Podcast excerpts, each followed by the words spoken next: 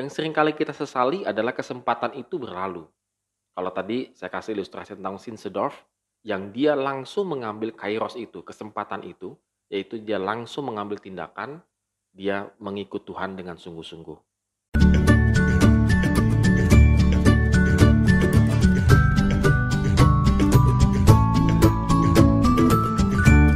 Morning Good Readers, hari ini kita kembali akan merenungkan firman Tuhan dan kita akan tetap terus fokus untuk membaca dan merenungkan firman Tuhan sepanjang Tuhan masih memberikan kita kesempatan untuk hidup.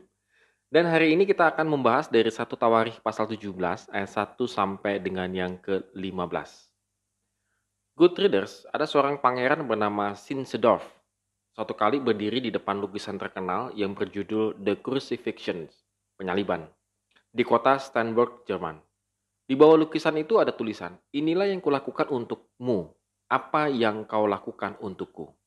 Lukisan dan tulisan itu sangat menyentuh hatinya, dan sejak saat itu ia menyerahkan semua kekayaannya, bahkan dirinya sendiri kepada Tuhan. Ia menjadi seorang pelayan Tuhan. Dari ilustrasi yang sangat singkat ini, kita bisa melihat juga dalam kehidupan Daud. Daud telah merasakan kebaikan Tuhan dalam kehidupannya dari gembala domba, seorang gembala uh, penggembala domba begitu ya, menjadi raja Israel. Keturunannya pun diberkati di ayat 7, 7 sampai yang ke, yang ke-11. Tak heran ia merasa terganggu saat menyaksikan suatu hal yang mencolok. Ia tinggal di istana sedangkan tabut perjanjian Allah yang merupakan simbol kehadiran Tuhan diletakkan di dalam kemah. Ya memang waktu itu memang kemah itu menjadi uh, alat yang paling gampang karena bisa dibongkar pasang kembali untuk menuju ke tanah Kanaan dan pada saat itu kan sudah memang masuk ke dalam tanah Kanaan dan tabut itu masih dalam di dalam kemah maksudnya. Maka muncullah kerinduan untuk membangun rumah bagi Tuhan. Namun Tuhan ternyata tidak mengizinkan Daud mewujudkan kerinduannya di ayat yang ketiga sampai yang keempat. Mengapa? Apakah Daud salah dan sebagainya? Tidak. Tuhan mempunyai rencananya tersendiri.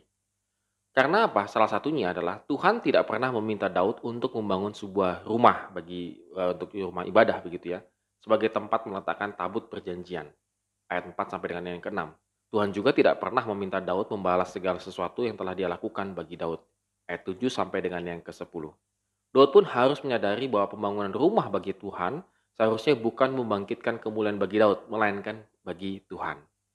Lagi pula tangan Daud telah pernah, ya bukan telah pernah, ya memang berlumuran darah ya karena keterlibatannya di medan perang. Kalau kita bisa lihat di satu tahun pasal 22 ayat 8, 28 sampai uh, ayat yang ketiga. Sebab itu Tuhan menyerahkan tugas pembangunan bait Allah itu kepada Salomo, anaknya sendiri. Ya, good readers, kalau dari sini kita bisa melihat bahwa uh, terkadang dalam kehidupan kita ini kita ingin Tuhan melakukan banyak hal dalam kehidupan kita, tetapi yang sering kali kita lupa bahwa seharusnya kita juga melakukan banyak hal bagi Tuhan. Dan ketika kita ingin melakukan banyak hal bagi Tuhan, itu ada waktunya, ada kesempatannya. Yang sering kali kita sesali adalah kesempatan itu berlalu.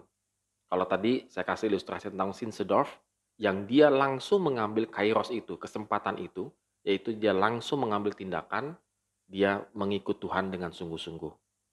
Nah, pada hari ini juga kita merenungkan. Kadang-kadang kita banyak sekali melewati kesempatan-kesempatan untuk melakukan sesuatu bagi nama Tuhan. Bukan karena Tuhan tidak memberikan kesempatan, tetapi kita yang melewatkannya. Mari kita renungkan firman Tuhan pada hari ini bahwa memang ada waktunya Tuhan. Ketika waktunya Tuhan memberikan kesempatan kepada kita untuk memuliakan namanya, maka pakailah dengan sebaik-baiknya. Jangan sampai itu terlewatkan, karena tidak akan pernah terulang kembali. Dan sisanya akan menjadi penyesalan dalam kehidupan kita. Oleh karena itu, good readers, mari hari ini kita jalani dengan satu kesempatan dengan pola pikir yang sama bahwa Tuhan berkenan untuk kita hidup pada hari ini adalah untuk kesempatan memuliakan nama Dia. Amin. Terima kasih telah menonton video ini. Have a nice day and God bless us.